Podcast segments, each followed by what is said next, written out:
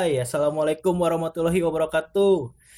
Yo, ketemu lagi saya Fahmi di sini. Ya, oh ya sebelumnya welcome to podcast ya. Di sini sedikit perkenalan nih. Ini sesi namanya nyebat, ngobrol nyantai bareng teman-teman. Ya, teman-teman mana ya? Teman-teman Ukri. Oh ya, sebelumnya banyak sebelumnya ya. Gimana kabar kalian semua? Ya, didoain ya sehat ya, sehat walafiat, baik fisik maupun hatinya. Ya. Oke. Em, malam ini seperti tadi judulnya nyebat, ngobrol, ngobrol nyantai bareng teman-teman. Aduh anjing aing belibet pisan. Lanjut lanjut dulu. sobat meren Manyi nyebat Yang teman-teman Aing di proposalnya nyebat. Oh gitu Oh ya teman-teman gitu Teman-teman. Oh Ya, kita berkegiatan ini pakai proposal ya. Jadi nggak ada nggak ada pempredelan nanti ke depannya. Ya, oke. Tadi udah kedengeran suaranya di sini ada teman gua nih, teman kita semua sebenarnya udah pasti kenal. Kalau lu sering nongkrong di belakang ya di sekre-sekre. Jadi di UKRI itu ada sekretariat itu ada himpunan, ada UKM, macam-macam lah di situ. Ada banyak manusia-manusia berkegiatan. Alah, ya. Di sini gua bareng sama anak 2017. Wah, siapa dia? Gue kenalin Indra Rahmat Saleh. Gimana kabarnya, Bro? Yo what is up bro Keren, Alhamdulillah ya luar biasa Allahu Akbar Gimana teman-teman ya Semoga kita sama-sama sehat ya Gua aja di sini sehat ya Lu jaga kesehatan lah Jangan kebanyakan ngerokok ya Lagi ngerokok sambil minum baygon Ya please Please ya, baygonnya baygon seduh atau baygon apa, Pak? Masya Allah. Saya lebih suka yang dibakar, Pak. Ya. Apalagi tambah coklat sama keju. Siap, siap. Asal jangan dioplos lah ya. Waduh. Iya, iya, iya. iya. Oke. Ya, di sini gimana saya eh tadi udah ya? Alhamdulillah sehat. Iya. Gua lupa. Ini. Oke, sekarang di sini ada Indra. Nah, seperti tadi gua bilang, di sini ngobrol-ngobrol teman-teman mahasiswa yang di mana ya mudah-mudahan lo juga dapat kesempatan di sini diundang buat ya ngobrol intimate lah. Kita ngobrol secara hati ke hati alah. Waduh. Iya. Yo. Unsh. Oh ya, langsung aja lah ya. Oke. Gimana Ndra Eh, kesibukan di Ukri sekarang lagi ngapain aja nih? Oke, kalau gua sih lagi sibuk di himpunan ya pastinya. Di himpunan sebagai eh, divisi komunikasi dan informasi. Juga eh, kadang suka hunting juga sama teman-teman ya komunitas fotografi lah dari Hmm. FGRF Himakom. Wih, mantap. Itu tuh FGRF Himakom. Ada IG-nya, bolehlah promo dikit lah. Oh, ada. Kalau misalkan hasil karya gue sendiri itu ada di ad namanya Indra RS. Nah, kalau misalkan buat teman-teman fotografi yang mau belajar nih tentang fotografi dari mulai dasarnya, lalu trik-trik caranya untuk bisa mendapatkan hasil foto yang luar biasa, nah bisa di fgrf.himakom. FGRF.himakom tuh langsung buka-buka Instagramnya. Yang gak punya kuota ke Selasar dulu gih, wifi lumayan Nah. rektorat, wifi rektorat. Di perpus juga ada, cuman gua gak tahu passwordnya apa. Kalau ada yang tahu share ya, share bisa, share. bisa, bisa, bisa. CBN juga sekarang lagi ada ya, udah ada lagi Ah, CBN. ya, tapi sayangnya eh, limit, Pak. Oh, limit. Limit, Iya. aduh. Cuman Aduh. satu jam. Iya, kayak warnet. Yo, oke. FGRF, ya fotografi. Oke, begini nih. eh kenapa sih tertarik sama klasik sini ya pertanyaannya tertarik sama fotografi? Sebenarnya kan fotografer banyak gitu ya. Banyak dari mulai yang mainstream sampai yang kalau dibilang jalur indie lah gitu, independen dia sendiri gitu, gak ada gak ada naungan siapa pun di situ.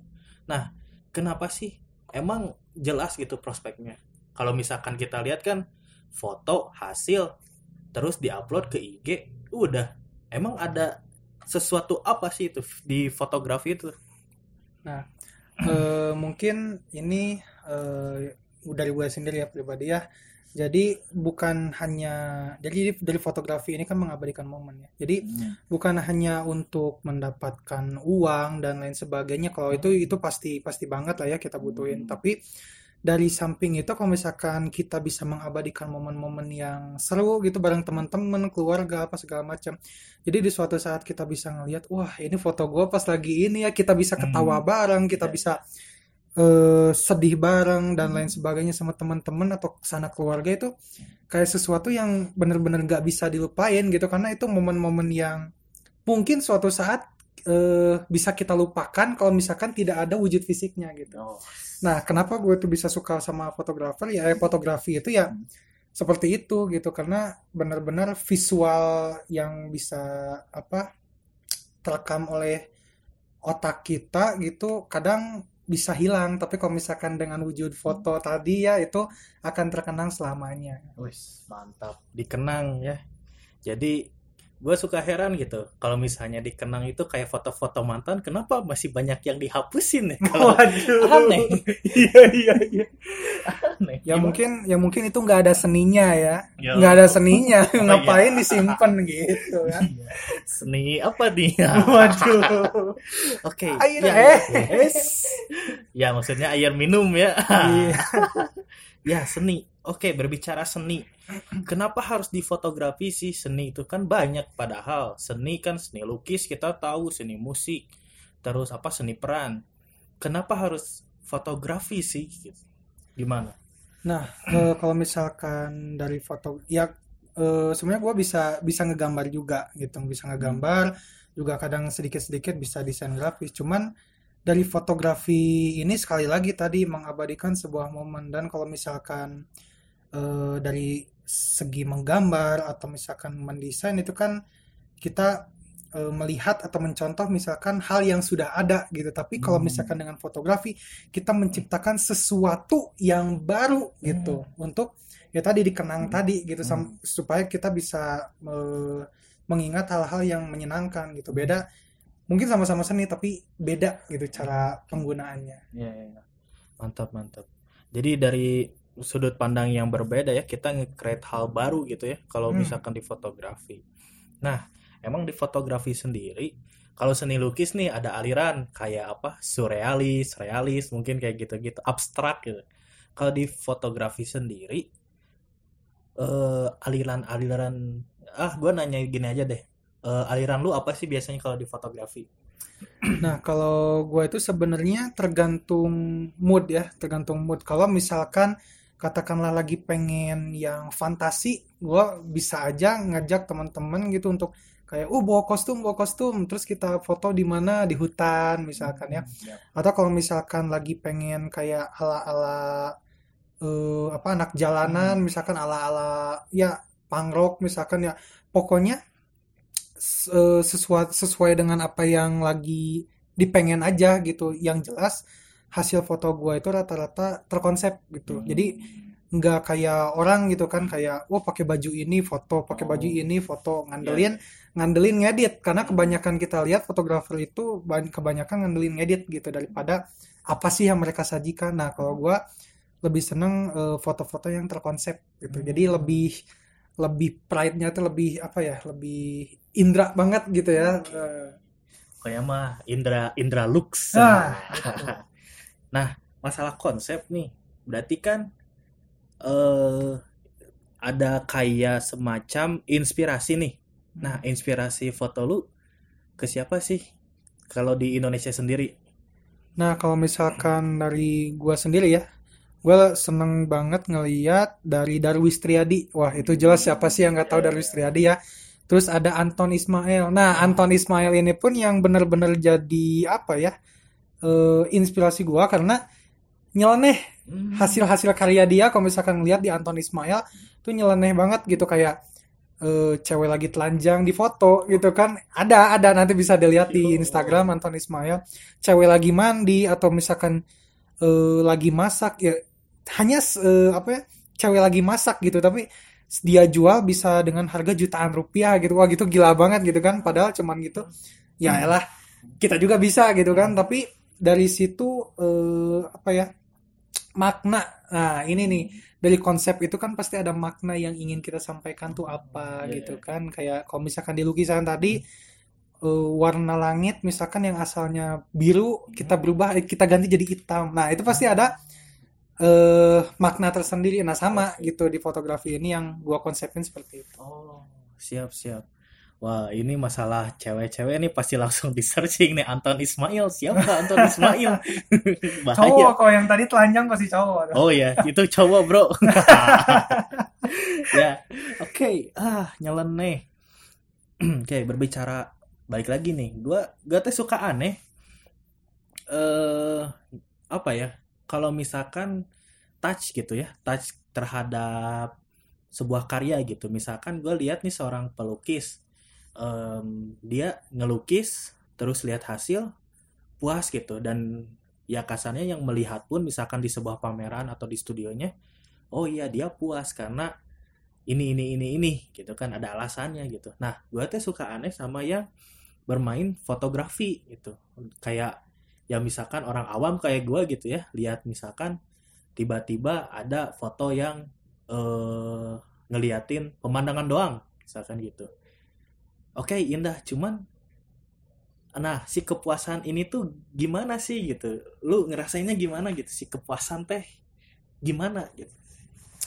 Nah, kalau misalkan eh, dari kepuasan sendiri ya, kalau gua sendiri pribadi gitu, eh, gambar yang bagus sebenarnya eh, bisa diciptakan oleh banyak orang gitu. Tapi kalau misalkan masalah kepuasan itu kan pasti dilihat dari eh, apresiasi ya biasanya ya orang-orang lihat gitu ya. Kalau misalkan semakin banyak like dia semakin eh kayak wah ini nih saya Ya, nih ya, ya. gitu kan ini karya saya bagus gitu.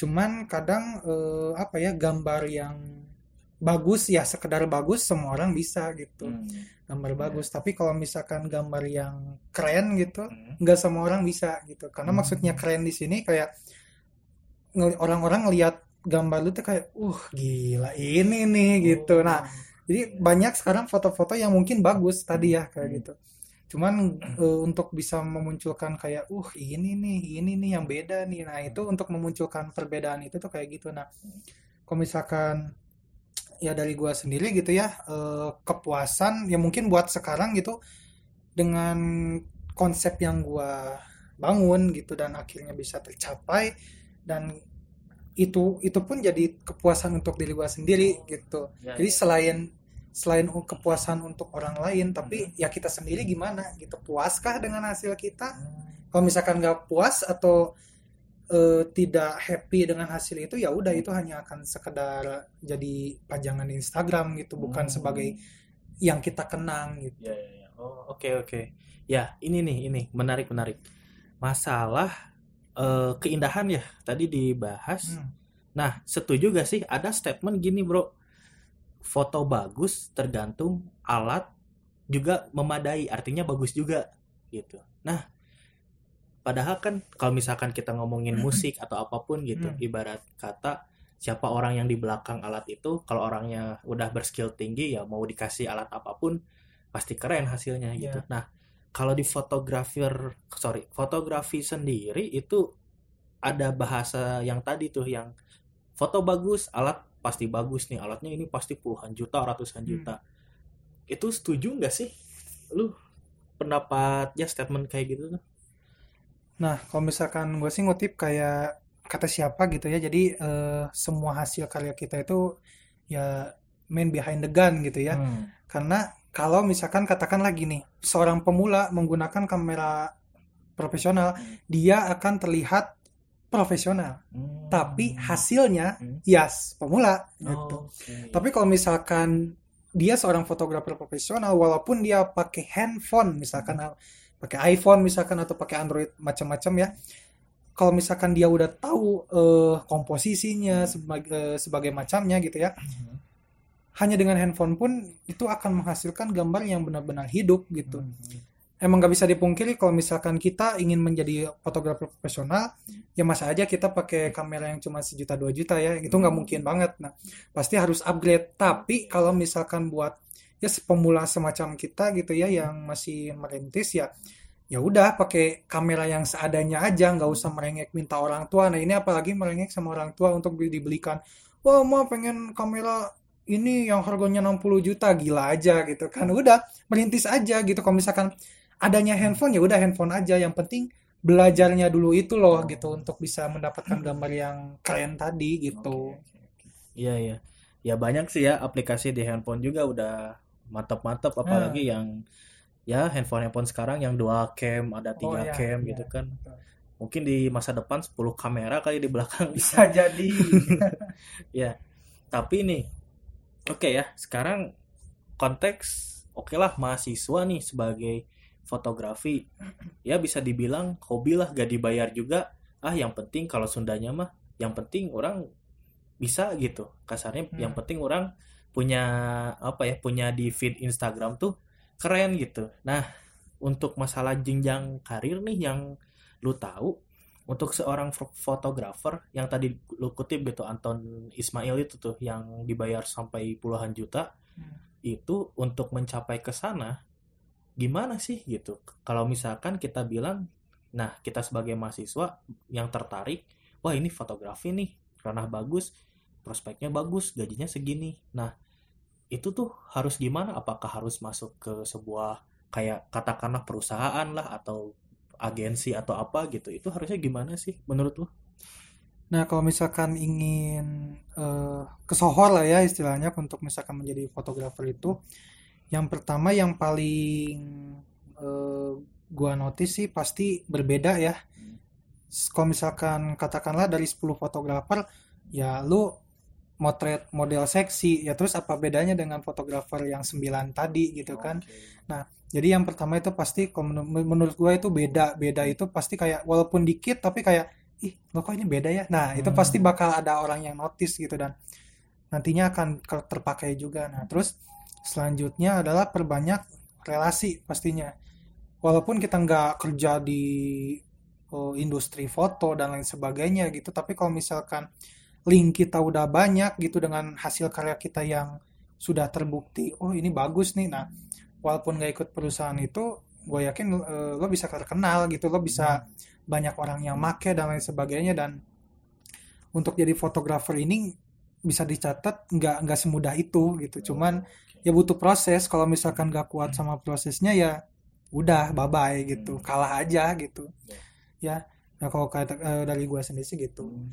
ya berarti gimana jiwa entrepreneurnya ya? Hmm. bener bener bener. Setuju setuju gue nah fotografi. Oke sekarang kalau misalkan merintis nih dibilang merintis. Nah yang lu tahu tahapan merintis untuk seorang fotografer lah ya seorang pelakunya fotografer tuh. Untuk mencapai eh, katakanlah gue kasih eh, standar Anton Ismail lah gitu. Hmm. Se- sebesar Anton Ismail itu si prosesnya itu gimana aja gitu yang harus dilakuin menurut lu gitu sebagai pandangan lu nih gimana tuh Hmm. Nah, yang jelas kalau misalkan pengen merintis nih, misalkan nih pengen jadi foto eh, fotografer profesional, yang jelas kita harus tahu ilmunya nih. Nih, nih orang-orang nih kadang pengen instan gitu, Hmm. kayak oh, punya kamera tapi jepret jepret jepret jepret, main edit. Enggak, harus Hmm. tahu nih belajar dulu tentang dasar fotografinya jelas. Udah itu karena kita ingin jadi fotografer, ngumpulin tuh buat beli kamera, jelas ya. Kalau misalkan kita mau moto wedding apa segala macam masa pakai handphone ya jelas. Ya. Nah, udah dari situ kita mulai ambil job yang kecil-kecil, misalkan Hmm. fotoin ulang tahun apa segala macam. Nah, dari situ kita mulai kumpulin portofolio-portofolio. Buatlah porto, porto- eh, portofolio kalian gitu, entah dari Instagram, entah kalian punya blog sendiri, atau mungkin kalian eh, setiap ketemu sama klien atau punya teman yang eh, ingin difoto gitu, wedding dan lain sebagainya, bawalah hasil kalian eh, hasil karya kalian dalam bentuk buku tadi gitu. Nah, ini hasil karya saya bla bla bla bla bla bla. Nah, pada akhirnya eh dengan segala hasil yang udah kalian capai, nah itu nanti yang akan menggiring kalian untuk bisa grow sampai kayak Anton Ismail gitu. Ya, ya, ya. dari situ ya oke mantap mantap menarik sih fotografi nah tapi ini kan lu sebagai mahasiswa ya emang ke depannya nih ke depannya lu mau struggle di dunia ini gitu dunia fotografi gitu atau ibaratnya fotografi nanti ketika lu lulus hanya sebagai sampingan aja atau gimana yang lu planning dari sekarang Nah, kalau gua udah merencanakan bahwasannya akan membuat sebuah IO. Jadi di mana eh, kita ada fotografer, videografer, lalu eh, desainer juga misalkan untuk entah dari baju atau desain eh, kartu undangan dan lain sebagainya. Karena karena gimana ya? Hal-hal yang berhubungan dengan tadi ya digital tadi itu benar-benar dibutuhin sih. Sekarang tuh benar-benar ya era-era digital itu pasti hal-hal kayak gitu tuh lebih lebih apa ya prospek ke depannya gitu lebih lebih bagus daripada eh, jadi budak korporat gitu. Wes. Jelas, iya jelas. Kalau misalkan kita katakanlah kerja di perusahaan udah pasti gaji segitu gitu. Tapi kalau misalkan kita apa untuk menjadi seorang pembisnis lah, bisnismen, kita jadi bisnismen eh, itu pasti ini banget gitu. Eh, prospek ke depannya walaupun walaupun bertahap, walaupun bertahap gitu nggak langsung gede. Dan ya kita harus jatuh bangun, tapi gue yakin prospeknya bagus ke depan. Hmm, mantap, mantap, mantap. Prospek ke depan. Oke, seorang fotografi, eh fotografer mahasiswa nanti ke depannya bikin IO. Mantap juga sih. Bener mantap. Nah, cuman nih em, satu lagi deh. Kalau misalkan gua se- eh, lu sebut nama nih, fotografer yang apa namanya? Yang membuat lu pengen seperti dia lah, gua bilang standar gitu. Lu pengen seperti siapa sih?